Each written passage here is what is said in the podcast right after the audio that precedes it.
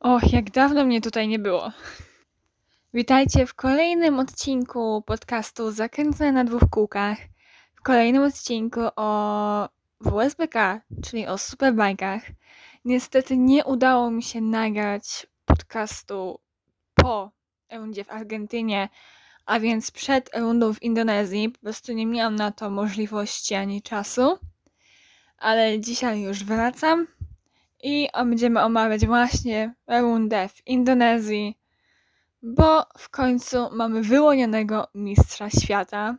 Jest to trzeci inny mistrz w ciągu ostatnich trzech lat, co jest niezłą zmianą od czasu, kiedy mieliśmy dominację Jonathana Ray, który zdobywał tytuł sześć razy pod rząd i dopiero przerwał to Toprak rok temu. A teraz mistrzem został Alvaro Bautista na Ducati, więc Ducati w tym roku panuje i rządzi i zgarnia prawie wszystko.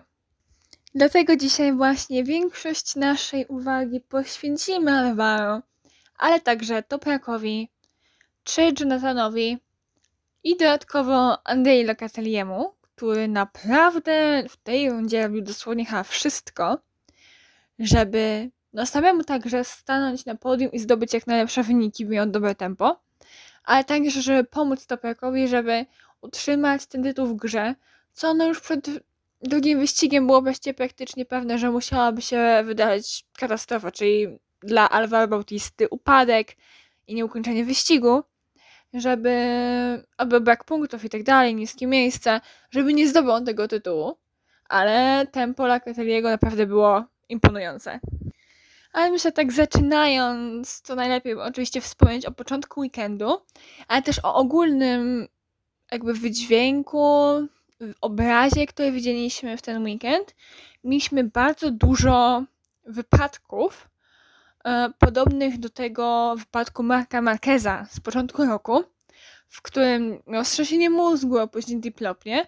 Oczywiście nie były one w ten weekend aż tak ekstremalne jak wypadek Marqueza, jednak i Iker Kłona, czy później w kolejnym, czy w on to był w treningu, czy w wyścigu Lorenzo Baldassari walczący o tytuł z Dominikiem Marketerem też zaliczył potężnego highside'a, no i niestety skończyło to jego wszystkie szanse i marzenie o tytule Mistrza Świata, bo w tym samym wyścigu po raz drugi mistrzostwo zdobył Agerter.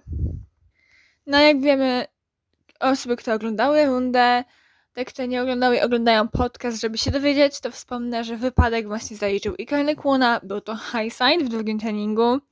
E, uderzył on plecami o asfalt i niestety doszło do lekkiego pęknięcia kręgu.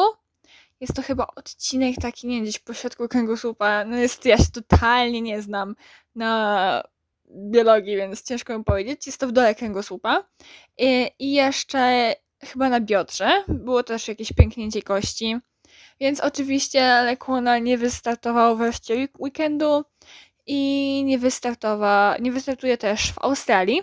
Zastąpi go Tetsuta Nagashima, który zastępował e, też e, Nakagamiego w MotoGP e, po tym, jak ten miał swój wypadek. I jest to dla Hondy dosyć kluczowa sprawa, bo Dalej otwarta jest kwestia klasyfikacji konstruktorów i ogólnie firm i jakby tam BMW i Honda nie są od siebie daleko. I tak jak w ciągu weekendu też Scott Ehrling bardzo walczył o właśnie wyprzedzenie Hondy Właśnie odpaliłam sobie transmisję na Eurosporcie, żeby jeszcze zobaczyć punkty po drugim wyścigu e, w Indonezji, jak wygląda właśnie klasyfikacja konstruktorów, więc po rundzie, w której właśnie Scott Ring i Michael van der Mark starali się nadrobić te punkty przez to, że nie było Ikera Kłony, Xavi Vierge został sam, e, żeby właśnie te punkty zdobywać, to aktualnie BMW traci tylko 3 punkty do Hondy w tej klasyfikacji, a jak wiemy, i Karol Kłony, właściwie najlepiej znającego już ten motocykl Hondy, ten Hiszpan właśnie, on się na nim najlepiej czuje, lepiej niż Charlie Wierche, który oczywiście przechodząc z Moto2 miał trudniejsze zadanie, a i wiem jak Iker się przyzwyczaił, pierwsza połowa roku, aż do mostu, którym byłam i z nim rozmawiałam, to wtedy jeszcze to było przede mną, był naprawdę podekscytowany, bo praktycznie wszystkie wyścigi kończył e, w top 10 i tak dalej, dopóki nie pękła mu ta opona w niedzielę w Czechach. E, więc on jest najpierw zaznajomiony, no i niestety ten upadek pokrzyżuje, może pokrzyżować Hondzie plany i kolejny rok, bo w tamtym roku też tak chyba było i w poprzednim, znowu Honda może być piąta, czyli ostatnia w klasyfikacji konstruktorów, ale jest to dalej sprawa otwarta. Trudno powiedzieć, jak sobie poradzi Nagoshima, bo oczywiście jest to motocykl trochę bardziej chyba podobny do tego, co, yy, na czym on jeździ, niż to, co spotkało go w MotoGP. I jednak superbajki są mistrzostwami, w których zdarza się naprawdę, że te dzikie karty robią naprawdę świetną robotę. I potrafią zdobywać dobre wyniki. Więc mam taką małą nadzieję, że naprawdę zobaczymy Nagashimę z dobrym wynikiem. Takie, może, może, może mrzonki, ale oby się to udało. Bo wtedy będziemy mieli walkę między BMW a Hondą. Mimo, że jest to o czwarte miejsce, tak nie powinno być to aż tak ekscytujące, to jednak widzimy to zbliżenie się też do reszty stawki, zbliżenie się między nimi samymi. A teraz już przechodząc do samego weekendu, to największy plus nie daje, uwaga, Alvaro, tylko dam go Topekowi. Naprawdę Topek w ten weekend zrobił wszystko, co mógł. To był dla niego praktycznie bezbłędna jazda, praktycznie naprawdę myślę, że położę wszystkie siły na to, żeby spróbować przeciągnąć ten tytuł aż do Australii. Szczególnie już po pierwszym wyścigu, kiedy no dalej Alvaro dobrze sobie radzi, więc te punkty troszkę zmalała, ale ta przewaga Hiszpana, ale nie za dużo. Bo gdyby Toprak przeciągnął walkę o tytuł do Australii, to mogła być to otwarta kompletnie nowa karta, bo i przewaga Alvaro byłaby wtedy mniejsza, jeśli by się to udało. I oczywiście runda to są trzy wyścigi, podczas których wiele może się wydarzyć. Ktoś może w niego przez przypadek wjechać, Alvaro może się przewrócić. Może motocykl może przestać działać, co się przydarzyło Topekowi już na pewno raz i chyba dwa razy w tym sezonie. E, więc byłaby to znowu otwarta karta i też myślę, dosyć niebezpieczna sytuacja dla Ducati, ale jednak Alvaro udało się przypieczętować ten tytuł bez żadnych jakby problemów i akcji e, właśnie w Indonezji. Ale Topek cały weekend jechał świetnie, naprawdę. Świetnie jechał też Andrea Locatelli który startował już kiedyś wcześniej z pierwszego rzędu, ale to zawsze było po wyścigu Super Bowl, czyli po sprincie, który determinuje na nowo miejsce startowe do drugiego wyścigu. Teraz w kwalifikacjach zakwalifikował się w pierwszym rzędzie, pobijając Alvaro Bautista, Axela Bassaniego, czyli dwóch zawodników Ducati, jednego fabrycznego, drugiego prywatnego, którzy w ostatnich rundach radzili sobie zdecydowanie genialnie. I oczywiście pierwszy rząd uzupełni też Jonathan Ray. Właśnie tak wspominając jeszcze o Bessanim, to też w ten weekend on także ma swoje małe mistrzostwo, małe zwycięstwo, bo jeszcze na Mandalicy rywalizował z Garethem Gerloffem, czyli aktualnym zawodnikiem GRT Yamaha, e, a już przyszłym e, Bonowała BMW od przyszłego sezonu o tytuł najlepszego zawodnika prywatnego zespołu, czyli na tych motocyklach satelickich, prywatnych, no które jednak mają ciężko w walce y, z fabrykami, czyli zespołami Karte, Pata Yamaha i z Arubą. Y, więc ta dwójka walczyła i Basani jednak wygrał tą walkę. I mogłoby się wydawać, że kurczę, Gareth Genow nie jechał w tym sezonie aż tak dobrze, ta przewaga była, ale ona nie była aż tak duża, naprawdę. Gerd Gerloff dalej miał szansę, gdy miał dobry weekend, żeby ten, to zdobyć. Ale że się nie udało, to najlepszym zawodnikiem prywatnym jest Axel Bossani, który w przyszłym roku zostaje w tym samym zespole i będzie walczył pewnie na pewno o fabryczne miejsce w Ducati, bo w tym roku było dalej, był, był brany pod uwagę, wszyscy myśleli, że zasługuje w końcu na tą fabrykę, albo chociażby na fabryczny motocykl. Jednak kontakt został przedłużony z Michaelem Rinaldim. A Axel, jak to Axel w swoim stylu, już w moście, odpowiadał nam, że no, jakieś, że testy go nie, tak nie obchodzi go, że nie dostał testów w sumie, że lepiej jest pokonać Alvaro i Michaela bez testów i wtedy dosłownie wyszedł z, e, z pokoju, gdzie była konferencja, więc wszyscy byliśmy dosyć rozbawieni tą sytuacją. E, ale faktycznie, tak jak mówił, bez testów w Barcelonie w wakacje udało mu się pokonać Rinaldiego wiele razy i walczyć z Alvaro Bautistą, więc naprawdę jest on niesamowitym zawodnikiem. Moim zdaniem na pewno zasługuje on na fabrykę, jeśli będzie w kolejnym sezonie będzie jeździł tak samo, to definitywnie.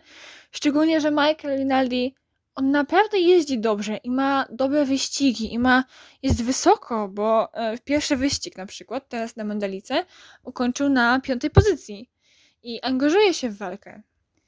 Jednak biorąc pod uwagę, że on jest na fabrycznym Ducati, to nie robi to aż takiego wrażenia jak to, co robi Axel Bassanin na motocyklu zespołu prywatnego, kiedy nie miał testów e, w wakacji, bo ich nie dostali i nie mają też na to za dużo pieniędzy no to jednak myślę, że Axel Bossani w naszych oczach wygląda lepiej po tym sezonie, bo już jest to ostatnia runda, to raczej niedużo ona zmieni, niż Michael Rinaldi. Jednak mówiąc teraz o samych wynikach, to oczywiście pierwszy wyścig wygrał Topek. Bautista był drugi. E, oczywiście startując z pozycji piątej, więc jest to raczej dobry wynik. I było to oczywiste, że w tym dzięki temu ta przewaga zostaje na dosyć równym poziomie. Trzeci był Ray, czyli takie nasze typowe i statystyczny skład podium w tym sezonie. No i czwarty był Locatelli, który już wtedy pokazywał, że naprawdę kręci się wokół top 3. E, w ogóle na starcie wyprzedził Raya i przez chwilę jechał za topakiem na drugim miejscu i przez dosyć długi czas na trzecim, o ile pamiętam, więc było widać, że naprawdę ma to tempo. No, można powiedzieć, że nie było tutaj jakichś wielkich zaskoczeń w tym wyścigu. No niestety jest to, był to kolejny wyścig, którego nie ukończył Michael Vandenmark na BMW. E, niestety, to nie jest definitywnie sezon tego zawodnika. Był co chwilę kontuzjowany, albo nie kończył wyścigów i się przewracał i doprowadzał to do kolejnych kontuzji. Więc mm, trzeba liczyć na to, że przyszły rok po prostu będzie dla niego lepszy. Jeśli chodzi o wyścig Superpole, to oczywiście skład startujący i pola były takie same jak wcześniej. Ponownie wygrał Toprak, tym razem drugi był Jonathan Ray, a podium uzupełnił Locatelli. I naprawdę Locatelli, myślę, zaimponował wielu z nas e, na ostatnim okrążeniu, bo jeszcze na jego początku Bautista był trzeci. I właściwie w ostatnich zakrętach Locatelli był tym za nim zaatakował i na ostatnim zakręcie właściwie wyprzedził, praktycznie na ostatnim zakręcie wyprzedził Bautistę i przekroczył linię mety jako trzeci, co dało mu podium. A oczywiście Bautista sklasyfikowany został na pozycji czwartej. Tylko to dalej nie było wystarczająco, oczywiście, żeby po prostu, żeby tą przewagę zmniejszać i żeby Toprak mógł przeciągnąć tą walkę o tytuł do Australii. Oczywiście było wiadomo, że będzie to mega trudne i mimo jego świetnego występu, wszyscy myślę, że wszyscy wiedzieliśmy, że właściwie to zdobycie tytułu przez Bautista i Ducati stało się praktycznie tylko formalnością. I oczywiście wyścig drugi, myślę, że taki najważniejszy jednak wyścig tego weekendu, gdzie wszyscy Szczególnie oczywiście w boksie Ducati, a także w boksie Yamaha. No siedzieli na szpilkach, żeby dowiedzieć się, czy w końcu się to dzisiaj wydarzy. I się wydarzyło. to w tym wyścigu Alvaro Bautista przypieczętował ten tytuł i naprawdę było wiadomo, że już praktycznie było wiadomo, że on to zrobi.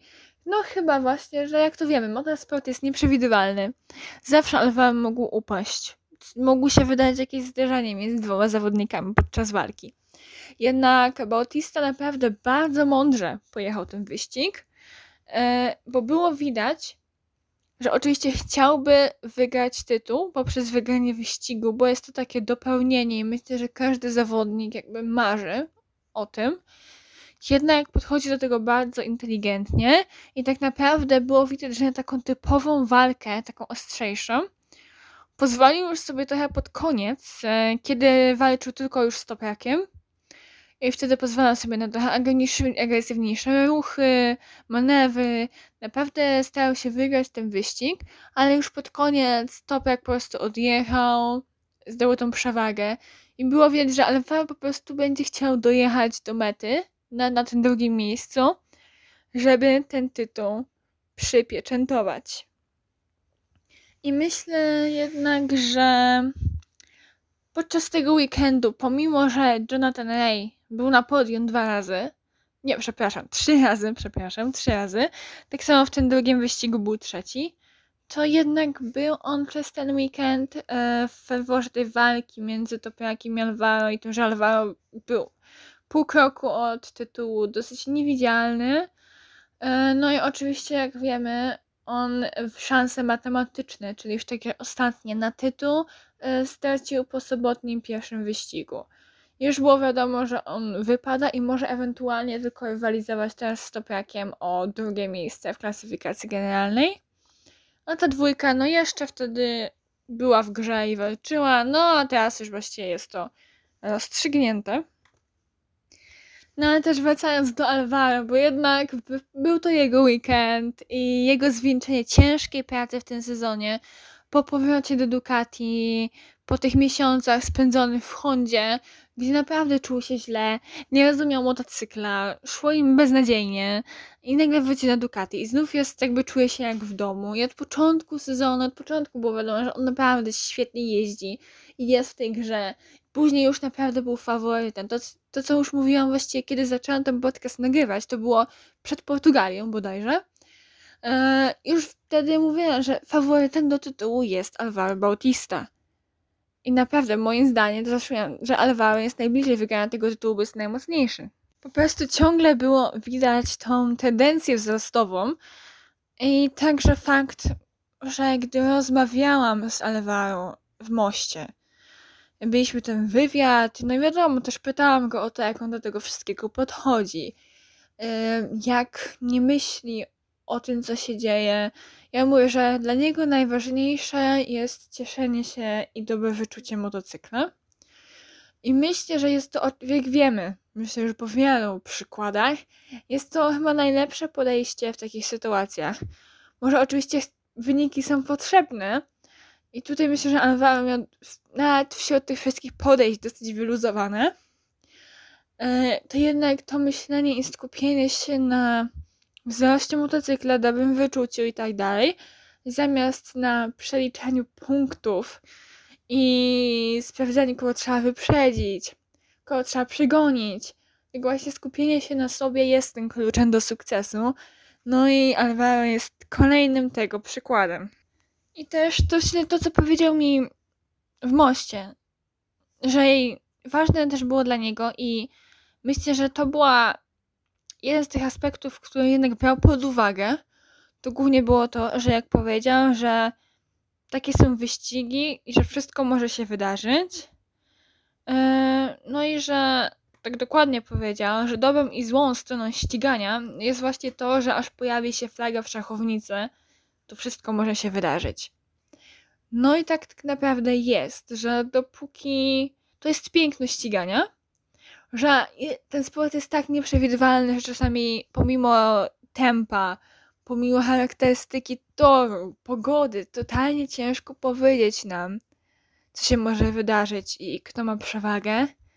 No to dla zawodników jest to czasami oczywiście złą stroną, że naprawdę kiedy jadą, mogą jechać sami, mogą prowadzić wyścig, do końca rywalizacji mogły zostać dwa okrążenia, to dalej nie wiadomo, czy w ciągu tych dwóch okrążeń coś się nie stanie.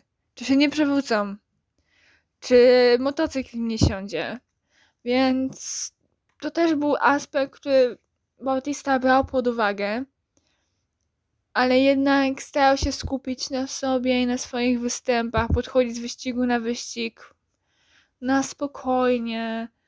I myślę, że to dało mu też taką ulgę psychiczną, spokojne podejście, że ma czas i naprawdę jest, że, do, że ten motocykl jest dobry i ma na czym pracować. No i to też w pewnym sensie dało mu tytuł, bo oczywiście motocykl Ducati jest, był świetny i był świetny pod właśnie zarządzaniem Alvaro w tym sezonie. No tak jak też powiedział, że ważne będzie i było, e, żeby nie popełniać błędów i wyciągać maksimum. I Alvaro naprawdę popełnił mało błędów. Ciężko mi teraz sobie właściwie wymienić jakieś takie rażące błędy w wykonaniu Bautisty w tym sezonie. No oczywiście też były jakieś nieukończone wyścigi, czy wyścig chyba jeden na pewno. Jakieś takie wyjechanie poza tor i tak dalej, ale ciężko mi sobie znaleźć taki moment, gdzie byłby to rażący błąd, który kosztowałby go naprawdę wiele. Więc oczywiście, jeśli ktoś z Was ma taki, to otworzę e, takie znaki zapytania będzie pod odcinkiem, takie miejsce, gdzie będzie można wpisywać e, swoje komentarze. Może tam jakieś wymienić, co dla Was było takim błędem Bautisty ewentualnie w tym sezonie. A kiedyś, jeśli ktoś na przykład spyta o Topiaka czy Donatana, e, to zdobył manikur chyba. Tak, to wymienię te wyścig w manikur, gdzie oboje go nie ukończyli, bo oboje się przewrócili. I jeszcze dodatkowo oczywiście to ich zdarzenie w Assen, mimo że na początku sezonu też miało jakiś wpływ. Oczywiście było ciekawiej, bo na podium pierwszy stanął Iker Lecuona na Hondzie, e, czyli pierwszy zawodnik od Alvaro e, w 2021 roku, który stanął na Hondy na podium. I, ale też było dosyć ciekawe i też było wiadomo, że no, jakieś znaczenie to będzie miało. Teraz też przypomniało mi się, i dodatkowo jeszcze otworzyłam sobie mój wywiad z Alvaro i to zobaczyłam. Interesująca rzecz pojawiła się, no kiedy oczywiście spytałam go, czy on naprawdę nie myśli o tym tytule i jest, jak trudne to jest, żeby to ignorować. To na końcu powiedział, że woli on przyjechać na metę jako drugi, niż wygrać e, normalnie, niż wygrać, gdy Topek i Jonathan się by przewrócili. Ale woli to drugie miejsce, kiedy przy wygraniu nie podobała mu się jazda na tym motocyklu. Więc było to naprawdę skupienie na sobie, na motocyklu, niekoniecznie na rywalach, na ich postawie i na tym, co oni robią. Choć rzeczywiście czasami Alvaro myślę też był mógł być zdenerwowany oczywiście na to, co się działo na torze, bo wiadomo, i Jonathan, i Topek jeżdżą dosyć agresywnie w pewnych momentach. Myślę właśnie, że Alvaro Bautista z ich trójki jest najmniej agresywny w atakach. Oczywiście też potrafi wejść pod łokieć, pojechać o wiele mocniej, ale jednak te bardziej spektakularne ataki, takie, które wydają się dosłownie na milimetry, to jest szczególnie Toprak, no i często też tak w 70%, chyba trochę mniej w porównaniu, też Jonathan. I teraz też myślę, że chyba pod tym odcinkiem otworzę głosowanie, w którym, tak jak przy odcinku przy MotoGP, gdzie pytałam, kto zdobędzie tytuł i większość zagłosowała za Peko miała rację, to zapytam, czy naprawdę ty trzymaliście kciuki, czy myśleliście, że tytuł zdobędzie Alvaro, czy jednak skłoniliście się ku Topekowi czy Jonathanowi? I to będzie pytanie, co myśleliście na początku sezonu po kilku rundach, czyli że jeszcze nie było aż takiej przewagi, jak teraz po rundach europejskich, w Argentynie i tak dalej. Bo na początku sezonu, ja też się przyznaję, ja stawiałam na Topiaka. Że obroni tytuł, że będzie dwa razy pod rząd, że nawet jeśli ta Yamaha nie będzie jakaś świetna, to właśnie Topiak będzie najsilniejszy. No oczywiście nie mogłam do końca przewidywać, jaki Alvaro będzie na Ducati po powrocie. Ducati też byłoby mocne, ale jednak tak podświadomie stawiałam na Topiaka. Ale naprawdę to, co Alvaro zrobił w tym sezonie, jaki był skupiony, jakie były jego wyniki, jak mało błędów popełniał, jak wykorzystywał tą moc Ducati, ten tytuł był kompletnie, jest kompletnie jego, jest kompletnie zasłużony. I świetnie jest widzieć kolejnego zawodnika, który zdobywa tytuł Mistrza Świata. Oczywiście teraz czeka nas e, rywalizacja, ostatnia runda już w tym sezonie, czyli rywalizacja na Phillip Island w Australii. MotoGP było tam jakiś czas temu. Uwielbiam ten tor personalnie. Jeśli ktoś oglądał odcinek mój o MotoGP w e, Australii, to wie, że ten tor uwielbiam i dla niego tylko jestem w stanie wstawać o 5, 6, 4 rano. E, więc szczerze mówiąc, mimo że tytuł jest już ostrzygnięty, to nie mogę się doczekać tej rundy, bo chcę zobaczyć powrót superbike'ów do Australii.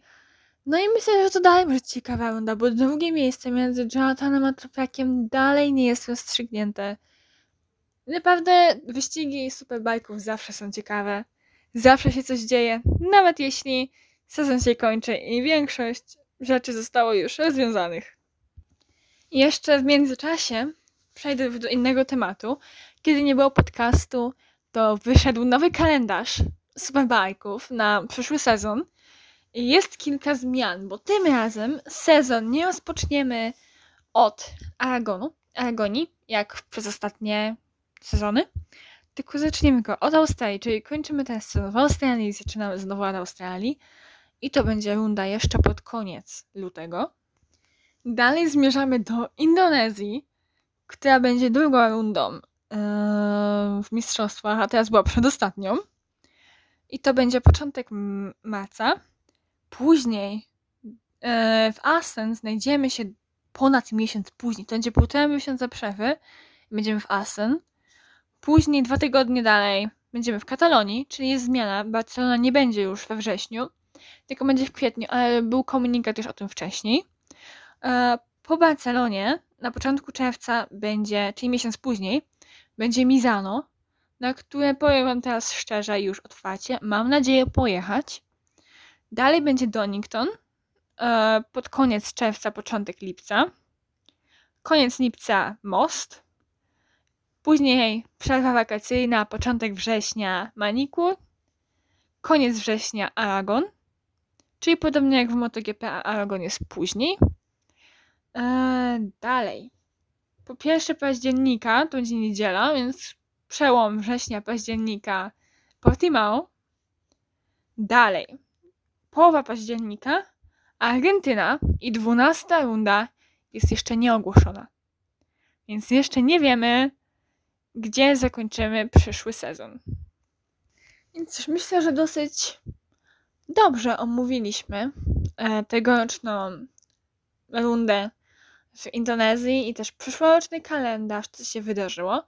Oczywiście nagram też odcinek po Australii, tylko nie wiem kiedy on się pojawi, bo już w tym odcinku chciałabym przy okazji podsumować cały sezon. A to będę musiała sobie zebrać wszystko, co napisałam od kwietnia. Ale w międzyczasie też próbuję, załatwiam, aby w tym podcaście pojawili się specjalni goście, i nie tylko mówiący w języku polskim, ale na razie nie mogę nic za to zdradzać i nie będę też mówić za dużo, bo są to na razie plany, a wolę je najpierw dopiąć i zakończyć. Ale staram się urozmaicać ten podcast i żeby były też trochę tu postaci związanych z wyścigami. A to jeszcze zobaczycie. I dziękuję Wam za uwagę i słyszymy się już niedługo na podsumowanie sezonu albo Superbike'ów, albo MotoGP. Jeszcze zobaczymy jak wyjdzie.